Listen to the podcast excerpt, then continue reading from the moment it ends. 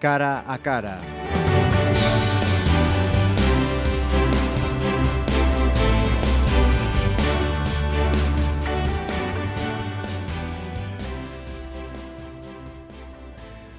Primer cara a cara en Pontevedra Viva Radio tras las elecciones gallegas del pasado 25 de septiembre. Nuestro invitado es probablemente una de las personas que más satisfechas estaban en la noche electoral con los resultados que arrojaron las urnas en Pontevedra. Alfonso Rueda, presidente provincial del PP, bienvenido. Muchas gracias.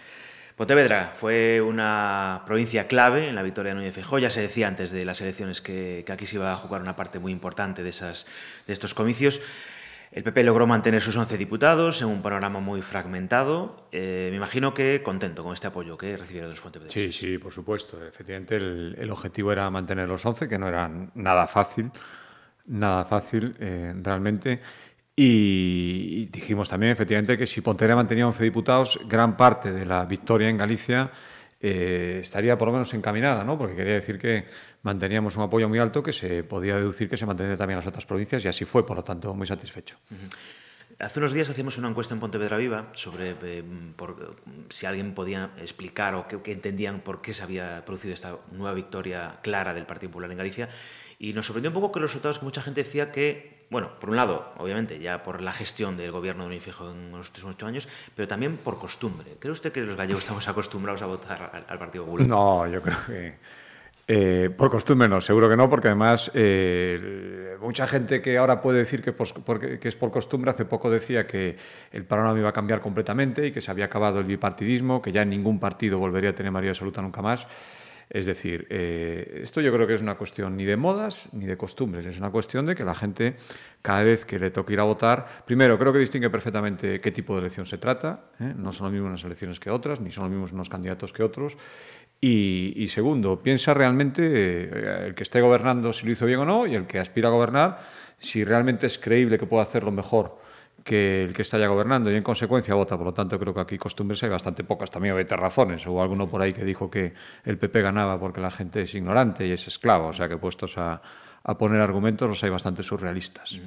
Lo que sí no sé qué efecto ha tenido, eh, muchos dirigentes de otros partidos lo, lo reconocían, eh, los gallegos no sé si han percibido una ausencia de alternativa al gobierno del Partido Popular en, en frente.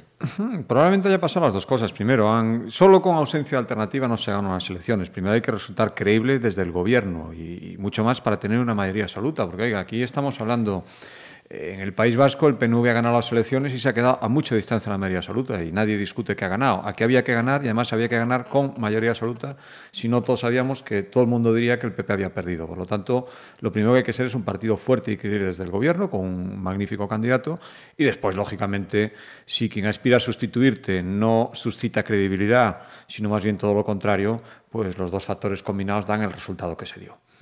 Bueno, y ahora, a partir de ahora, queda el, camino para esa nueva investidura de, de, Alberto Núñez Fijó, para la composición del gobierno. Vamos a ver a Alfonso Rueda de nuevo en el gobierno de la Junta, ¿le gustaría? ¿Ha hablado ya con el presidente? Sí, pues he hablado con el presidente desde las elecciones. Hemos tenido un par de despachos, pero de, del día a día, porque hay que conocer también al presidente y no esto, aquí esto es un no parar y por lo tanto hay cosas que hay que seguir atendiendo aunque estemos en funciones y de eso hemos hablado. Quien conozca a Alberto Núñez Fijó, yo pues, lógicamente lo conozco hace unos cuantos años, eh, sabe su forma de trabajar y sabe que estas cosas eh, no él tiene sus decisiones más o menos tomadas, puede hacer preguntas, consultas, pero al final él toma decisiones y, las anuncia cuando estime oportuno. Quiero decir que ese momento no se ha dado todavía. Él sabe, igual que creo que lo sabe de todos los que estamos en el gobierno, que estamos a disposición para estar en el gobierno o para estar donde, donde sea necesario. Y por lo tanto, yo creo que acertó en el año 2009 con el gobierno que hizo, acertó en el año 2012. Yo creo que hay muchas posibilidades de que acierte también en el año 2016. Ponga quien ponga. Lo que puedo asegurar es que no habrá ni discusiones, ni, ni malas caras, ni nada. Habrá que estar donde toque estar en cada momento. Y yo soy el primero que digo eso y lo sostendré, esté donde esté. En los últimos meses, de hecho, ha usted compaginado la presidencia provincial del partido con la vicepresidencia de la Junta. Es uh -huh. decir, ¿Se siente con fuerzas para seguir compaginándolo? ¿Es, ¿Lo ve factible o es demasiado trabajo? Pues es bastante trabajo y, afortunadamente y menos mal tengo a mucha gente que me ayuda, tanto en la Asunta como en el partido. Por lo tanto, me siento con fuerzas, me siento con ánimos y creo que aquí si te faltan ánimos es imposible tener fuerzas porque esto pues, son, muchas horas. Para, para hacerlo bien hay que echarle horas y yo pues sí, me siento con fuerzas para esto o para lo que haga falta. Digo que hace seis meses yo era el secretario general del partido y también era vicepresidente de la Junta. Cambié la parte del partido por venirme aquí. A mí es una decisión que era necesaria en algún momento y creo que fue acertada, la visto los resultados y por lo tanto yo, por supuesto, estoy con fuerzas para seguir eh, así o seguir donde haga falta. ¿Este resultado en Galicia cree que tendrá efecto también a nivel nacional? ¿Veremos pronto una investidura de Mariano Rajoy en Madrid? Bueno, yo creo que nosotros decíamos en la campaña que, y creo que conseguimos que esa idea calara, que aquí lo que se trataba era de elegir al presidente de Galicia. No estábamos votando en unas autonómicas en Galicia eh, decidiendo lo que iba a pasar en España. Había que decidir lo que tenía que pasar en Galicia en los próximos cuatro años. Eh, creo que se decidió, eh, Alberto Núñez Feijóo volverá a ser el presidente de la Junta, pero lógicamente este resultado de María absoluta del PP y de descalabro de los otros partidos, especialmente el Partido Socialista, tuvo resultados inmediatos, ¿no? Y hemos visto todo lo que pasó la semana pasada. A partir de ahí, eh, pues ya veremos. Yo, eh, ¿Quién sabe lo que va a pasar en el Partido Socialista, viendo cómo está? Es que no lo saben ni ellos. Eh, dicen una cosa y su contraria. Eh, hemos visto desde el espectáculo que nos dieron el sábado a toda España eh, mensajes contradictorios. Yo espero que al final se imponga la cordura y que se den cuenta de que si quieren seguir siendo ese gran partido de la oposición, no pueden seguir como estaban hasta ahora y por lo tanto tienen que reconocer que quien ganó las elecciones debe gobernar. Precisamente mi siguiente pregunta era sobre eso. ¿Cómo se ve desde el Partido Popular lo que está sucediendo en el PSOE a nivel nacional? Pues primero con bastante alucine, como creo que todo el mundo, ¿no? Cuando crees que, que el espectáculo no puede ir más allá, al día siguiente todavía lo supera. ¿no? Creo que la, la, gran eclosión, el gran circo fue el sábado con todo lo que pasó en Ferraz. Y a partir de ello espero que sean capaces de recomponerse, ¿eh? porque un, partido de gobierno necesita partidos de oposición armados y organizados para hacer oposición constructiva. Y creo que el Partido Socialista todavía tiene muchas cosas que decir en, en España, pero necesita, desde luego, una catarsis y, y, encontrar su lugar. Ahora mismo está, está hecho un solar y creo que eso no es bueno para el Partido Socialista, pero ni siquiera es bueno para el Partido Popular. Uh -huh. Hay ciertos analistas que dicen que con esta situación al Partido Popular ahora sí le convendría ir a unas terceras elecciones. No sé qué, qué opina. No, mire, el Partido Popular desde, la, desde las primeras elecciones, que ya parece que son muy lejos, en diciembre, reclamó su derecho a gobernar y no nos dejaron. En junio aumentamos eh, apoyos, aumentamos escaños, reclamamos lo mismo y tampoco nos dejaron. Por lo tanto, seguimos reclamando exactamente lo mismo. Decir que es el Partido Popular al que le interesan unas terceras elecciones creo que es faltar a la verdad y darle la vuelta absolutamente y probablemente a estas alturas no querer reconocer que los culpables de que estemos como estamos son los que ahora se ven como se ven, que no es el Partido Popular. Y ya pasamos a hablar, si le parece, de, la, de clave local. Eh, ¿Es eh, recuperar Pontevedra un objetivo irrenunciable para 2019? Sí, nosotros somos un partido de gobierno y por lo tanto nuestro objetivo siempre es intentar gobernar y no nos... Eh, cuando los resultados no nos dan para gobernar, pues decimos que no hemos tenido un buen resultado. Digo porque hemos visto a otros como el, el, bloque que ha quedado de cuarto en Pontevedra y está encantado con el resultado. Oiga, pues eh, a mí no me gustaría quedar de cuarto, sinceramente, y por lo tanto en las municipales me gustaría que tuviéramos los apoyos suficientes para poder gobernar. Yo sé que esto no es fácil, pero tenemos el tiempo suficiente para intentar eh, convencer a la gente de que también lo podemos hacer bien en el ayuntamiento, por lo tanto sí es un objetivo. ¿Qué cree que le ha faltado al Partido Popular estos años para no poder eh, recuperar esta alcaldía y derrotar a, a, Lores? Pues nos faltaron, la verdad es que en el año 2007 nos quedamos a, a, muy pocos votos, fuimos con diferencia el partido más apoyado, por lo tanto en aquel momento nos faltaron 300 votos para, para poder gobernar y creo que después el, bloque lógicamente se dio cuenta de los errores que estaba cometiendo y oiga, aquí cada uno intenta hacerlo lo mejor posible. Yo no, eh, ni mucho menos voy a decir que todo lo que lo haga el bloque eh, lo hace mal por lo tanto, eh, intentó recuperarse, volvió a recuperar apoyos y a nosotros a lo mejor lo que nos faltó es seguir pisando el acelerador, de seguir, de seguir presentando proyectos, de seguir eh, pensando que sí que es posible ser un partido de gobierno en Pontevedra y por lo tanto es lo que tenemos que seguir intentando, porque si ganamos elecciones eh, de otro tipo, las autonómicas, las generales, creo que también es posible ganar las autonómicas. Por lo tanto, tendremos que acertar con las mejores candidaturas y con un proyecto para Pontevedra. Y eso es lo que, eso es lo que creo que debería hacer todo el mundo y desde luego nosotros es lo que vamos a intentar hacer. Uh -huh. La Junta de Galicia, antes de la campaña electoral, y Alberto Núñez Fijo durante la campaña electoral ya como candidato a la reelección, anunció muchas inversiones millonarias para, para Pontevedra, uh -huh. el, nuevo, el nuevo Montecelo, los nuevos juzgados, la variante de Alba, la reforma del edificio de Benito Corval. No sé si mmm, hay una ofensiva, en el buen sentido de la palabra, es decir, hacia Pontevedra. ¿no? ha llegado la hora de, invertir en Pontevedra. Vamos a ver, eh, la inversión del, palacio, de la Ciudad de Justicia, el edificio judicial, era una inversión ya que venía de, de hace unos años, ya en el año 2012 habíamos dicho que lo queríamos hacer, lo que pasa es que el ayuntamiento tardó muchos años en darnos el terreno, si no, no sería un compromiso para esta legislatura, ya estaría hecho.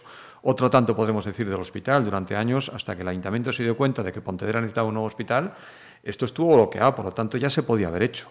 Lo quiero decir que eh, nosotros hacemos las cosas cuando podemos, pero también cuando nos dejan. por lo tanto, inversiones que ahora se dice que se van a hacer, nosotros ya las queríamos haber hecho antes. Las vamos a poder hacer ahora, afortunadamente, y yo lo celebro, lo celebro muchísimo. Creo que nos presentamos con una apuesta potente estas autonómicas, hasta el propio alcalde dijo que nos faltaba ponerle un piso a cada pontevedrés.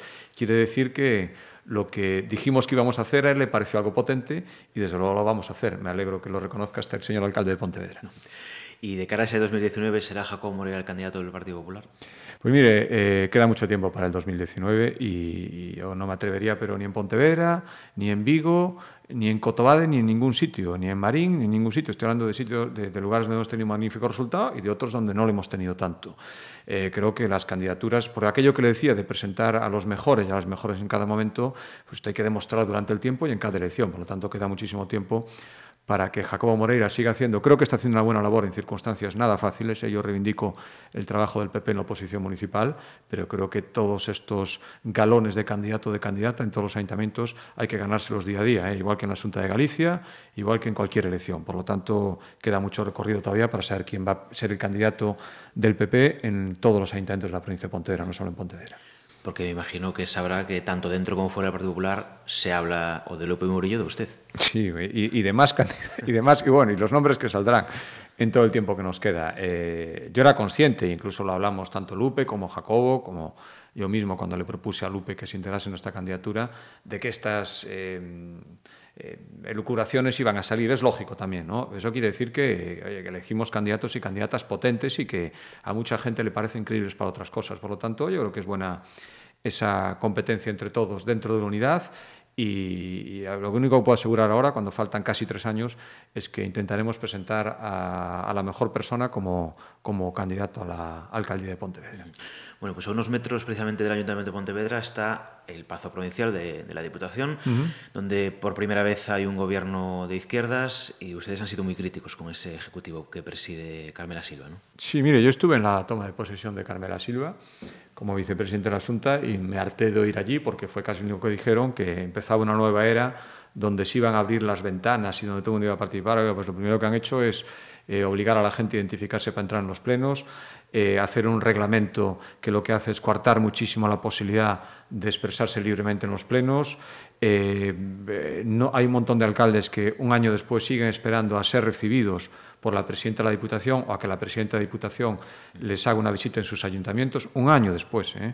Creo que es tiempo suficiente. Yo mismo, bueno, pues he estado en el, Palacio Provincial visitando a mi grupo porque no he conseguido ser invitado por la presidenta de la Diputación, siendo vicepresidenta de la Asunto y viviendo en Pontevedra, con lo cual eh, yo creo que está muy bien hacer propaganda, yo creo que está muy bien decir que ha llegado una nueva era, pero las diputaciones eh, lo que están es para ayudar a los pequeños ayuntamientos, no para hacerse propaganda de una presidenta que parece que se ha encontrado una diputación al servicio de no se sabe muy bien qué cosas.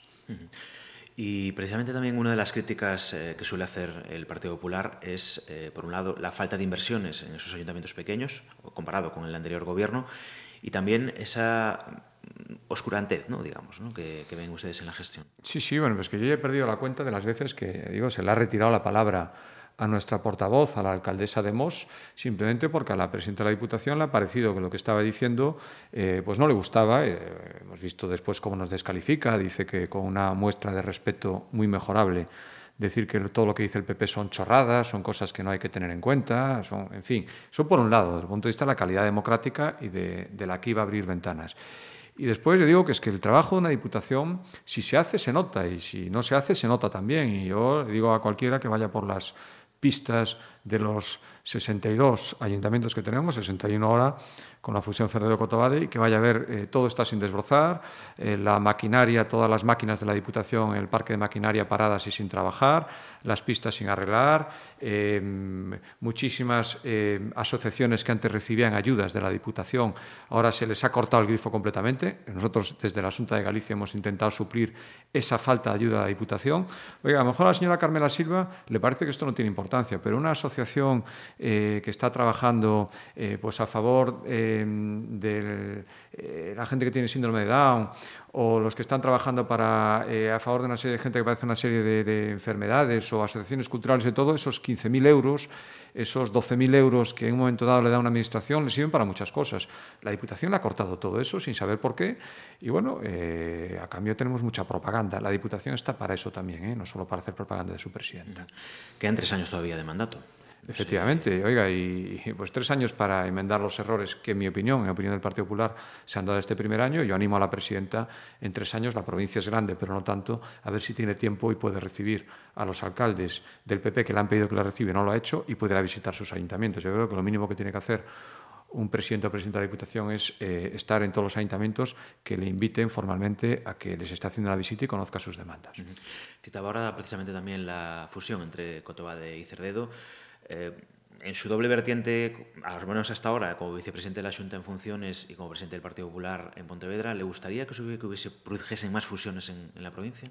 Sí, sí, vamos, nosotros eh, no lo escondemos, otros parece que es algo vergonzante. Yo estoy a favor de las fusiones siempre que sean voluntarias, me parece que son, y creo que muchísima gente también. ¿eh? Yo creo que el mapa municipal que tenemos en Galicia y en España no nos lo podemos permitir, o dándole la vuelta a la idea, sería mucho más eficiente eh, si no hubiera tantos ayuntamientos. Yo creo que eh, los ayuntamientos, sobre todo los de interior, los rurales, que van perdiendo población, los alcaldes de Cerdedo y Cotobade lo explicaban perfectamente. Dice, oiga, es que cada vez tenemos menos población y la gente nos demanda más servicios. Por lo tanto, tenemos que unirnos para ser más fuertes y para que los vecinos no pierdan calidad de vida y no pierdan capacidad económica de las administraciones. La fusión Cerdedo-Cotobade ha servido para que eh, de repente tengan en ayudas de la Junta casi dos millones de euros más eh, estaba en el propio informe que hizo el interventor de la Diputación, diciendo que eh, van a partir de ahora a tener más recursos todos los años por el simple hecho de estar unidos. Creo que eso es bueno, no hay que obligar a nadie a unirse, creo que hacerlo forzosamente no estamos preparados para eso, pero si dos ayuntamientos se quieren unir, no hay que ponerles un montón de trabas y no hay que decir que es un desastre no hay que decir que es antidemocrático, como han dicho algunos que no están a favor de la fusión. El tiempo demostrará eh, que las fusiones, cuando se hacen voluntariamente y cuando se hacen bien, son beneficiosas, yo estoy seguro. Mm. ¿Cree usted que la oposición que había era, era una cuestión política?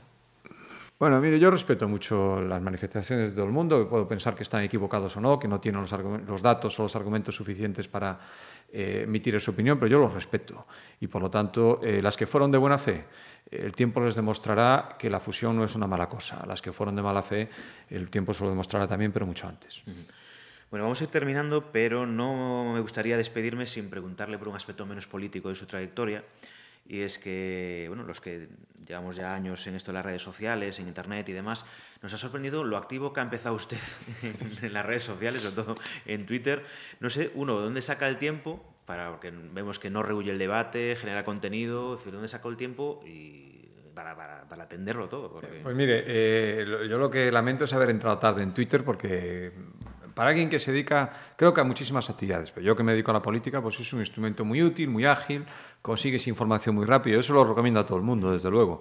Y creo que precisamente como es ágil, pues eh, poner un tuit, contestar a otro, retuitear es algo que se hace rápidamente y casi sobre la marcha y, al, a cambio adquieres un montón de información y estás ahí. Por lo tanto, sí, reconozco que es algo que, que me ha enganchado, lamento no haber estado antes y creo que poco a poco los políticos que vivimos en una gran parte de nuestra actividad cara a la gente debemos estar en las redes sociales porque son un instrumento creo que irrenunciable. Se equivoca, es una opción personal, digo, ya hasta hace mucho tiempo, hasta, hace, hasta no hace mucho tiempo no estaba, pero creo que debemos estar y cada vez incorporar. Yo animo a todos mis compañeros, desde luego, a que estén en Twitter.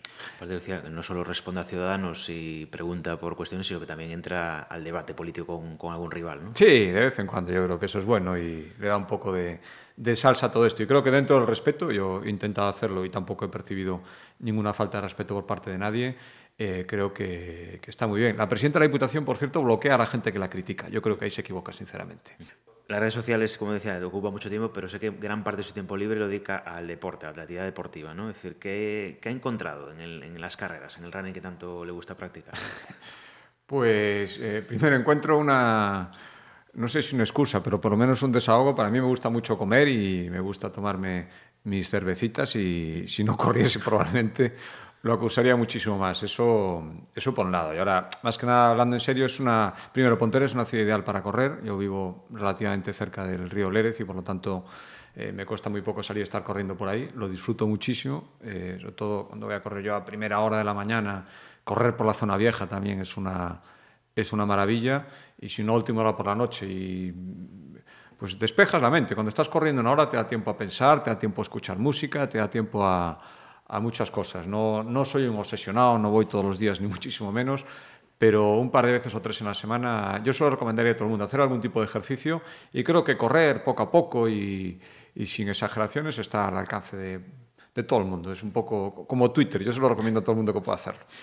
Pero si, si lo vemos, es habitual en muchas carreras que se celebran en la provincia. Sí, sí, a mí sí me dice, yo empecé a correr no hace mucho, hace pues, 12, cuando nacieron mis hijas, eh, que ahora la mayor tiene 13 años, pues ahí más o menos, un poquito antes. Y si me dicen que unos años después iba a estar yendo a las carreras, hasta con alguna media maratón que me estoy, eh, que me estoy atreviendo últimamente, no me lo creía. Entonces, en Bayona cosas... lo hemos visto recientemente. Sí, y la de Pontevedra no he llegado a hacerla nunca, que es ahora, por cierto, porque me acuerdo que una vez coincidió el mismo día las elecciones autonómicas, el año 2012, otro año estaba fuera. Siempre tengo esa asignatura pendiente, hacer la media maratón de Pontevedra. Y, y, bueno, te vas animando y es una forma divertida, es una forma de conocer sitios. Eh, creo que está muy bien. Eh, ahora es, un, es, una fiebre, ya todas las ciudades casi tienen su carrera popular y es una forma de estar allí, pues ese día te quedas a comer, vas con la familia. Está muy bien, es un, un turismo muy asequible y muy saludable. Pues Alfonso Rueda, muchas gracias por aceptar nuestra invitación para este cara a cara. Esperemos que no sea la última. Ah, yo encantado, muchísimas gracias. Nos vamos, regresamos la próxima semana con una nueva entrevista en Pontevedra Viva Radio. Hasta entonces.